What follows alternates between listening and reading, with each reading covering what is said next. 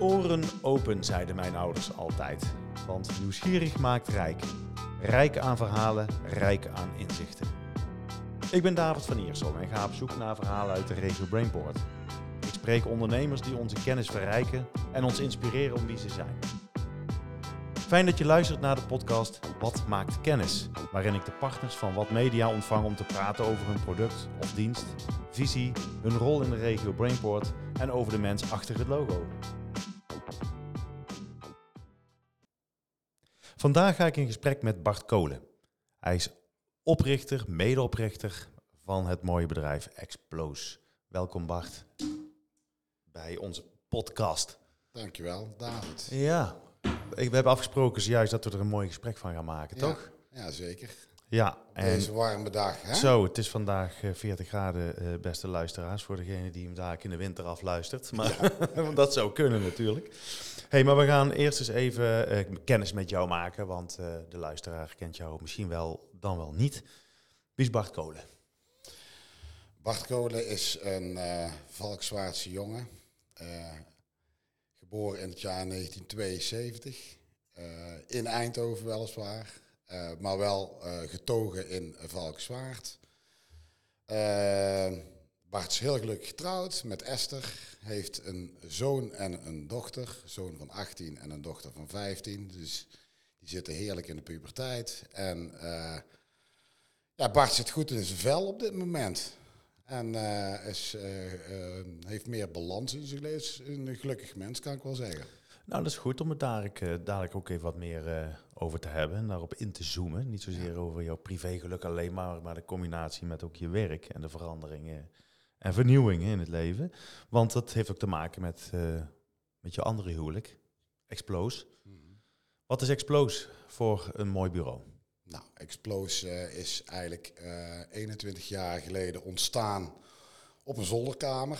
Oh, wat een cliché, Bart, zeg je. Ja, eh, heerlijk hè. Dus eh, gewoon een, eh, een klein bedragje geld van je vader lenen. Je Ja. koopt een computertje, toen nog een scannertje en een printertje. En je begint op een zolderkamer. En dat ging vrij hard qua klanten in het begin. Eerst nog in het lokale en al snel ook daarbuiten.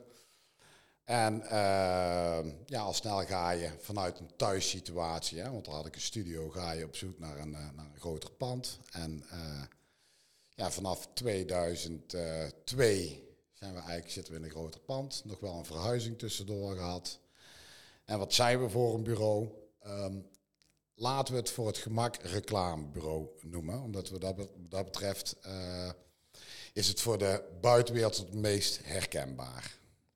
Nou, dat is goed dat je dat zegt. Ja, want als je een reclamebureau eh, zegt, dan, eh, dan eh, gaan er wel wat belletjes rinkelen bij de meeste mensen. Ja. Aan de andere kant, ehm, reclame, dat, dat ja, is misschien ook alweer een beetje gedateerd, Dat klopt. dat begrip. Ja.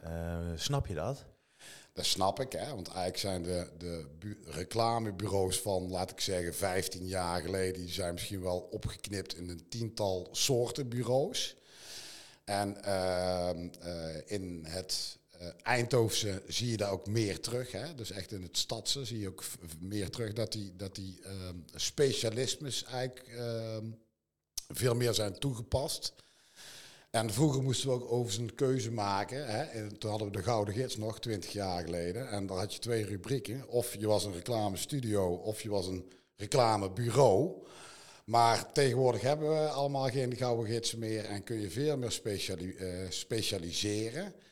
Maar ik ben er toch wel achter gekomen dat, dat we eh, de beste noemer die bij mijn bureau past, wel reclamebureau is. Oké, maar dan, dan kruip ik even in de huid van de, van de luisteraar, zeg maar. Ja. Eh, en de associaties die de meesten zullen hebben. Aan reclame denk ik ook aan commercials. En Ja. jullie maken dus de hele dag commercials. Nou, wij maken niet eh, eh, eh, tv- of radiocommercials. Wij maken meer, we zitten meer in de campagnevorm. Er gaat vaak iets aan vooraf. We zijn eerst bezig met een identiteit van een merk of van een organisatie. En vanuit dat is eigenlijk een stukje branding, hè? zo noemen ze het ook wel. En vanuit dat eh, verhaal eh, heeft de klant vaak ook nog de wens van... eh, kun je me ook helpen om onze doelgroep te bereiken? En met de juiste boodschap komen en de juiste tools daarvoor inzetten om die doelgroep te bereiken. Nou, dan kun je eigenlijk, voor mijn part noem je het even campagne. Hè? Want campagne kan online zijn, kan offline zijn, kan een mix zijn. En dat is eigenlijk ook best wel een aardig stuk waar we dagelijks mee bezig zijn. Ja, maar oké, want sommige mensen, en dan houden we op met de typering en het zoeken naar wat het dan precies is. Hè? Want ik vind het een mooi, mooi omschreven van de Gouden Gids, dat je eigenlijk de twee categorieën had. Uh, maar marketingcommunicatie uh, is misschien tegenwoordig het meest gebruikt. Ja. Uh, want uiteindelijk wat je doet is een verlengstuk van communicatie-uitingen ja. maken, toch? Ja. En um, ja, ben je dan wel of niet ook een marketingcommunicatiebureau? Nou, dat is leuk dat je dat vraagt, want, want twee jaar geleden heb ik uh, uh, reclamebureau eraf gehaald. Werd het Explos Marketing en Communicatie. Maar ik merkte dat mijn soort klanten, althans in de league waar wij willen acteren, dat die uh, het begrip reclamebureau meer omarmen of meer herkennen. En ehm, marketing-communicatiebureau zien bepaalde uh, bedrijven zien dat als een uh, te zwaar begrip. En uh, vandaar dat ik het eigenlijk onlangs weer terug heb gebracht naar de noemer reclamebureau. Terug op de gevel. Ja, nou op de gevel staat het niet, staat eigenlijk gewoon. Maar kijk, hè, als je ze vragen wat, wat, wat, wat, wat heb je of wat ben je, dan uh, zei ik twee jaar geleden, uh, ik heb een marketing-communicatiebureau en uh, nu zeg ik toch weer, we hebben een reclamebureau, omdat het ehm, aan de andere kant duidelijker overkomt. Overigens kan ik daar ook iets breder in, in acteren onder die, die noemer, dus vind ik gewoon prettig. Ja. Ja. Daar kom ik zo op terug, maar je noemde net ook al, het was ook even wat onduidelijk voor mijn publiek, zeg je, zei je net. Ja. Je, je klanten, ja. eigenlijk. Omschrijf die eens. Wat voor type klanten heb je? Um, nou, dan zal uh, een beetje vaag als ik zeg heel breed. Maar laat ik zeggen dat wij echt... Uh, wij, wij werken voornamelijk B2B. En het zijn echt MKB-bedrijven in regio Zuidoost-Brabant. En daar zit zelfs ook klein MKB bij, want MKB is natuurlijk ook heel erg breed. En, uh, maar klanten die goed bij ons passen zijn eigenlijk um, zijn eigenlijk organisaties tussen de 5 en 100 FTE.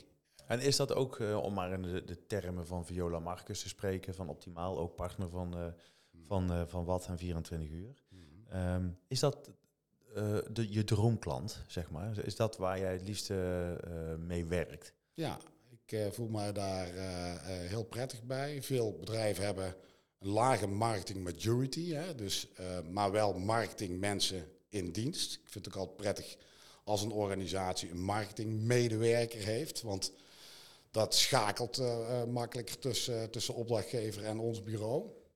Uh, nu heb ik ook heel veel klanten die geen marketingafdeling hebben.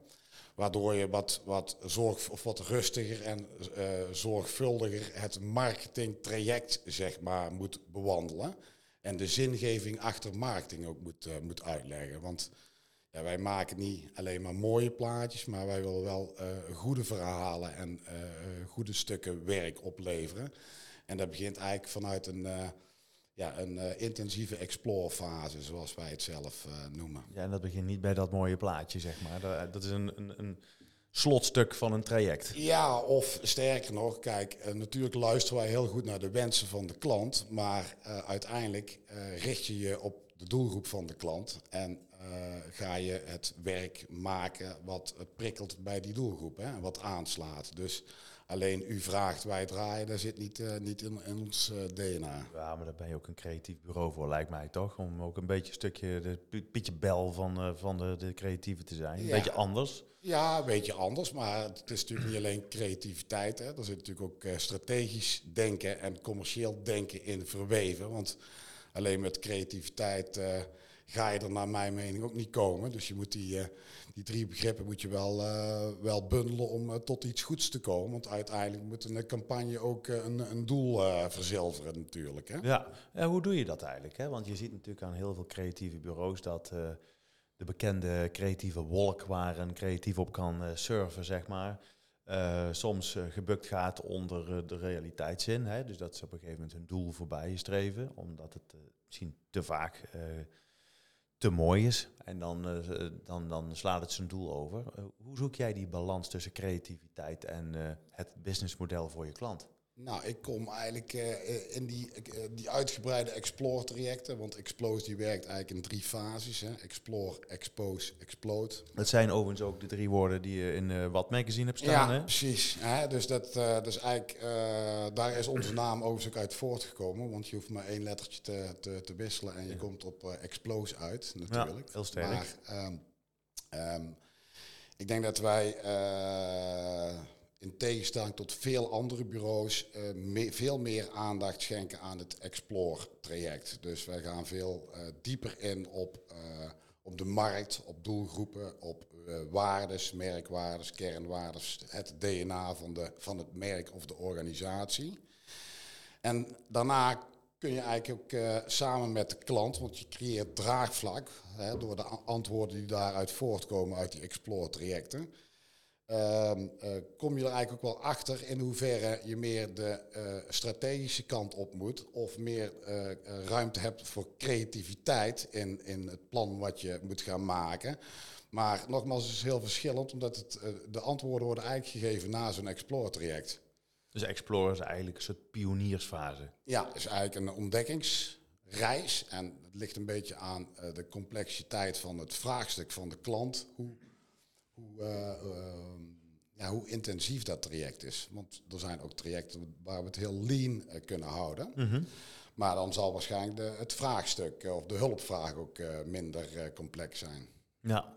ja. Mooi, dus ook die drie woorden, dat zijn dus jullie kernwaarden dus eigenlijk misschien ook wel, denk ik. Of uh, zo heb ik het je net nog niet horen zeggen. Maar... Nou, het is eigenlijk meer, het, het is eigenlijk een, een proces wat eigenlijk uh, continu rondgaat. Hè? Want expose betekent eigenlijk de fase dat je na de conclusies, hè, na de explore fase, dat je alles gaat bouwen. Hè, dus dat je alles gaat creëren. En in de explode fase gaan we het naar de markt brengen. Maar ja, tijdens de explode fase begint eigenlijk alweer de explore fase. Want continu veranderen er uh, zaken in deze wereld. Of komen er nieuwe kansen of, of, of hobbels. Hè, want wie had ons kunnen zeggen dat wij uh, uh, een jaar geleden dat wij in een oorlog zouden zitten hè, in Europa. Hè? Dus, Niks dus, is voorspelbaar. Hè, of dat we olie uh, of, of gastekort zouden gaan krijgen. Dus je moet daar ook in, continu in, in optimaliseren en evalueren. En, of evalueren en optimaliseren. En dan is de naam Explose met die gasperikelen ja. wel een ja. dubieuze naam, Bart. Ja, we hebben hem destijds ook gelanceerd. Toen was er in Europa ook een... dus die kwam meteen goed onder de aandacht. Maar dat is ja. wel een, een, hele tijd terug. Dus, ja. hey, we gaan um, even een paar stapjes terug. Um, of niet, eromheen. Want wij hebben het nou over de inhoud van, van Explose gehad. Uh, maar er zit ook een schil omheen, want uh, Explose doe je niet alleen. Nee. Uh, je bent het in de oorsprong ook niet alleen gestart. Ja, ik ben het wel alleen gestart, maar ik heb nog wel een, of je tien, tiental jaren een compagnon gehad. Precies. Ja. Maar goed, laten we even terug naar de, naar de, naar de kern of de kiem gaan van toen je begon. toen had je een idee van waar je ooit wilde komen. Ja. nu zijn we heel wat jaren verder. Nou goed, er is een compagnon voorbij gekomen. Je hebt een team gehad natuurlijk en heb die nog steeds, uh, die uh, fluctueert in samenstelling. Ja. Neem ons eens even kort mee naar, uh, naar je organisatie. Vertel er eens iets over en laten we dan ook afspreken dat je dan ook zegt van oké, okay, maar vanaf dit punt is de ambitie om het zo verder door te zetten. Nou, dan ga ik een heel klein stapje terugmaken in de tijd. -hmm. twee, jaar, twee, jaar geleden had ik een, een team met een omvang van, van acht personen, inclusief -hmm. mezelf. -hmm. um, had ik alle uh, skills die uh, aanwezig, waarvan ik vond dat die aanwezig moesten zijn in mijn huis, onder mijn dak, had ik ook in, uh, in huis. Toen kwam de coronatijd, hè, daar hebben we allemaal mee te maken gehad. Die heeft voor mij het ook niet gemakkelijk gemaakt, omdat ik, ik was eigenlijk aan het bouwen aan een explosie, nieuw, nieuwe fase, zeg maar. Alleen, ik verwachtte in januari 2020 dat de corona, en die kwam natuurlijk twee maandjes later, dat, uh, dat die corona na de zomervakantie wel overgewaaid zou zijn. Duurde allemaal iets langer. Heb daardoor um, uh, best wel pittige trajecten. Want aan de ene kant was ik aan mijn bedrijf aan het bouwen. Aan de andere kant uh, had ik te maken met het gegeven dat mijn team ook op eilandjes kwam te werken. Hè. Dus we moesten vanuit thuissituaties werken. En dat is heel erg lastig als je iets aan het bouwen bent. Want dan staan, ontstaan ideeën niet vanuit een, een Zoom-call of vanuit een... maar dan die ideeën of dat bouwen, dat doe je bij wijze van spreken bij het koffiezetapparaat. Nou, ik heb ehm, mijn team daardoor eigenlijk qua omvang gehalveerd. Dus mijn kernteam bestaat nu uit vier mensen. En ik ben veel anders gaan werken.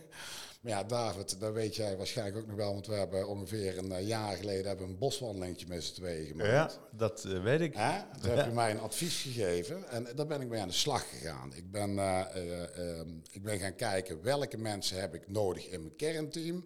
Met welke mensen ga ik samenwerkingsverbanden aan? Dat deed ik eigenlijk ook al 21 jaar met fotografen, drukkers, signmakers en andere partijen. Maar dat kan ook op hele andere vlakken. Heb je echt niet meer iedereen onder, jou, onder jouw eigen dak nodig. En ik ben om deze, dit kernteam van vier mensen heb ik ongeveer een, nu zit ik ongeveer op een viertal andere partijen waar ik hele nauwe samenwerkingen mee heb. Is het wat minder druk of heb ik hele andere werkzaamheden die die eigenlijk wel bij mijn kernteam passen, maar niet, waar, ik niet mijn partners voor in hoef te schakelen, dan, uh, dan is die druk meteen wat, uh, wat uh, minder hoog. Heb ik wel af en toe wat specialismes nodig in een hele specifieke opdracht, dan kan ik heel makkelijk andere partners erin betrekken in de opdracht. En dat bevalt me eigenlijk uitstekend, want ik ben er een stukje rustiger door geworden, uh, David. Ja, want dat, dat, dat, daar begon je straks over, over dat je je nu lekker voelt. Ja. En wat laten we wel wezen, ik bedoel, uh, je bent natuurlijk alles in één uh, als ondernemer. Hè? Ja, je, bent, je bent diegene die een bepaalde professie uitoefent. Mm. Maar je bent ook in dit geval een vader van twee kinderen en een lieve vrouw. En ehm, het, het moet natuurlijk ook gewoon een goede mix zijn. Ja. En um, dan is rust in je knar is wel ja, belangrijk, ja, toch? Zeker, zeker. Ja. Nou, er zit ook iemand, er zit nou, eh, goed, dat zien de mensen eh, die dit luisteren niet per se, maar ik kan in ieder geval vertellen, er zit inderdaad een wat ontspannender Bart Kolen tegenover mij nu. Ja, dan twee jaar geleden. Hè? Dan twee jaar ja, geleden. Dat klopt, ja, klopt helemaal. Hè? De, de, de spanning van uh, alle ballen hoog houden en uh, alles managen en ook zaken waar je eigenlijk geen grip op hebt, ja, die, die, die heb ik wel de afgelopen, nou niet het afgelopen jaar, maar de twee jaren daarvoor, heb ik, ben ik daar wel, uh, heb daar wel uh, ja, het was geen prettige fase, maar sinds een jaar heb ik het weer, heb ik het weer helemaal terug. Fijn. Ja, Komt ook uh, natuurlijk omdat je, dat je uh, nu minder hoeft te managen. En ik toch weer veel meer ook in het creatieve uh, stuk terugkom. En daar zit eigenlijk ook mijn eigen kracht. Dus, ja, dat zie je vaak in een ontwikkeling van een ondernemer. Dat ze eerst met hun talent of hun ambacht, zo je wilt, ja, starten. Precies. Ja. Hard werken, poten in de klei. Daarna krijgen, krijgt men personeel en willen ze wat meer het gaan managen. Komen ze vaak tot ontdekking dat ze niet echt helemaal manager zijn en dat ze dan toch ergens een soort van weemoed hebben naar dat talent wat ze hadden. En ook weer die, die drang om zelf ook weer dingetjes te gaan maken. Ja, precies. Zeker in de creatieve industrie. Ja. Um, jij maakte zeg maar dezelfde weg door. Ja. ja. En dat levert je dus dit goede ja, gevoel dit, op. Dit, dit, precies, hè, daardoor krijg je je geluk weer terug. Je weet weer uh, waarvoor je het eigenlijk allemaal deed. Hè? Dus um, ik heb nooit de ambitie gehad om, om, uh, uh, om, om heel, heel rijk te worden of zo. Ik kan heel erg genieten van, van mooi en goed werk opleveren en, en, en, uh, en mooie contacten met mijn klanten te hebben. Dus langdurige relaties eigenlijk. je bent een mensenmens. Ja, ik ben zeker een mensenmens, ja. ja dat is ook belangrijk. Misschien fijner om meer contact met goede mensen te hebben dan dat je portemonnee wat boller wordt. Bij ja, weer uh, kwaliteit en kwantiteit, zeggen Juist. ze wel eens. Hè? Ja. Je mensen. Uh, je hebt een kernteam, je hebt een heel grote schil daaromheen. Maar je kernteam, um, wat vind jij belangrijk om aan boord te hebben? Ja, dat is een uh, leuke vraag. Maar um, als ze bij mij komen solliciteren, noem ik het maar even, dan is, dan is mijn belangrijkste vraag bovenaan het lijstje is dat mensen eerlijk zijn mensen mogen van mij heel veel leren. Mensen mogen van mij fouten maken. Dus eerlijkheid vind ik het allerbelangrijkste. En natuurlijk drive. Want als de driver niet is, dan hebben ze ook niet de wil of, uh, om te leren. Hè? Dus uh, je moet ook uh, daarvoor openstaan om steeds weer dat juiste niveau aan werk zeg maar, op te willen leveren. Misschien heeft het ook wel eens met een stukje trots te maken. Ik vind dat je ook best trots mag zijn op hetgeen wat je maakt. Hè. Sommige mensen zijn daar wel eens te bescheiden in. Uh, maar ik vind trots eigenlijk een positief iets. Ehm, verder, ehm, uh, ja, ik, uh, ik ben met jongere mensen gaan, gaan werken en dat past uitstekend bij mij. Ik, ik, ik ben zelf, zelf een Waarom? beetje... Waarom? Wat, wat Ja, omdat dat? ik zelf ook nog vrij jong van geest ben. En ehm, de vernieuwing in de, die generatie uh, zijn hoofd. Dan heb ik ook een zoon van 18, dus die helpt daar ook uh, Zeker. aan mee. Hè. De, die heb je ook, uh, zeker in de coronajaren met hele vriendengroepen, heb je die, ben je daar zelfs een stukje mee opgetrokken. Hè. Ja. maar jonge mensen, daar krijg ik energie van. En ik krijg, uh, ik kom er ook wel achter dat ik van uh, de, mijn eigen generatie af en toe uh, minder energie krijg. Tenzij, dat geldt natuurlijk niet voor iedereen, hè, maar... Tenzij je met mij een boswandeling maakt. Ja, zeker. Nee, maar het, als je het hebt over wat voor team wil je om je heen hebben. Ik denk dat jij het zelf ook wel herkent met jouw team. Hè? Je hebt ook vrij, een vrij jong team. Ja, ik krijg energie van jonge mensen. En die hebben ook wel eens ooit afwijkende gedachten van mijn eigen gedachten. En dat vind ik ook wel uh, interessant. Ik vind het ook wel mooi hoe, uh, hoe die generatie ooit denk, denkt.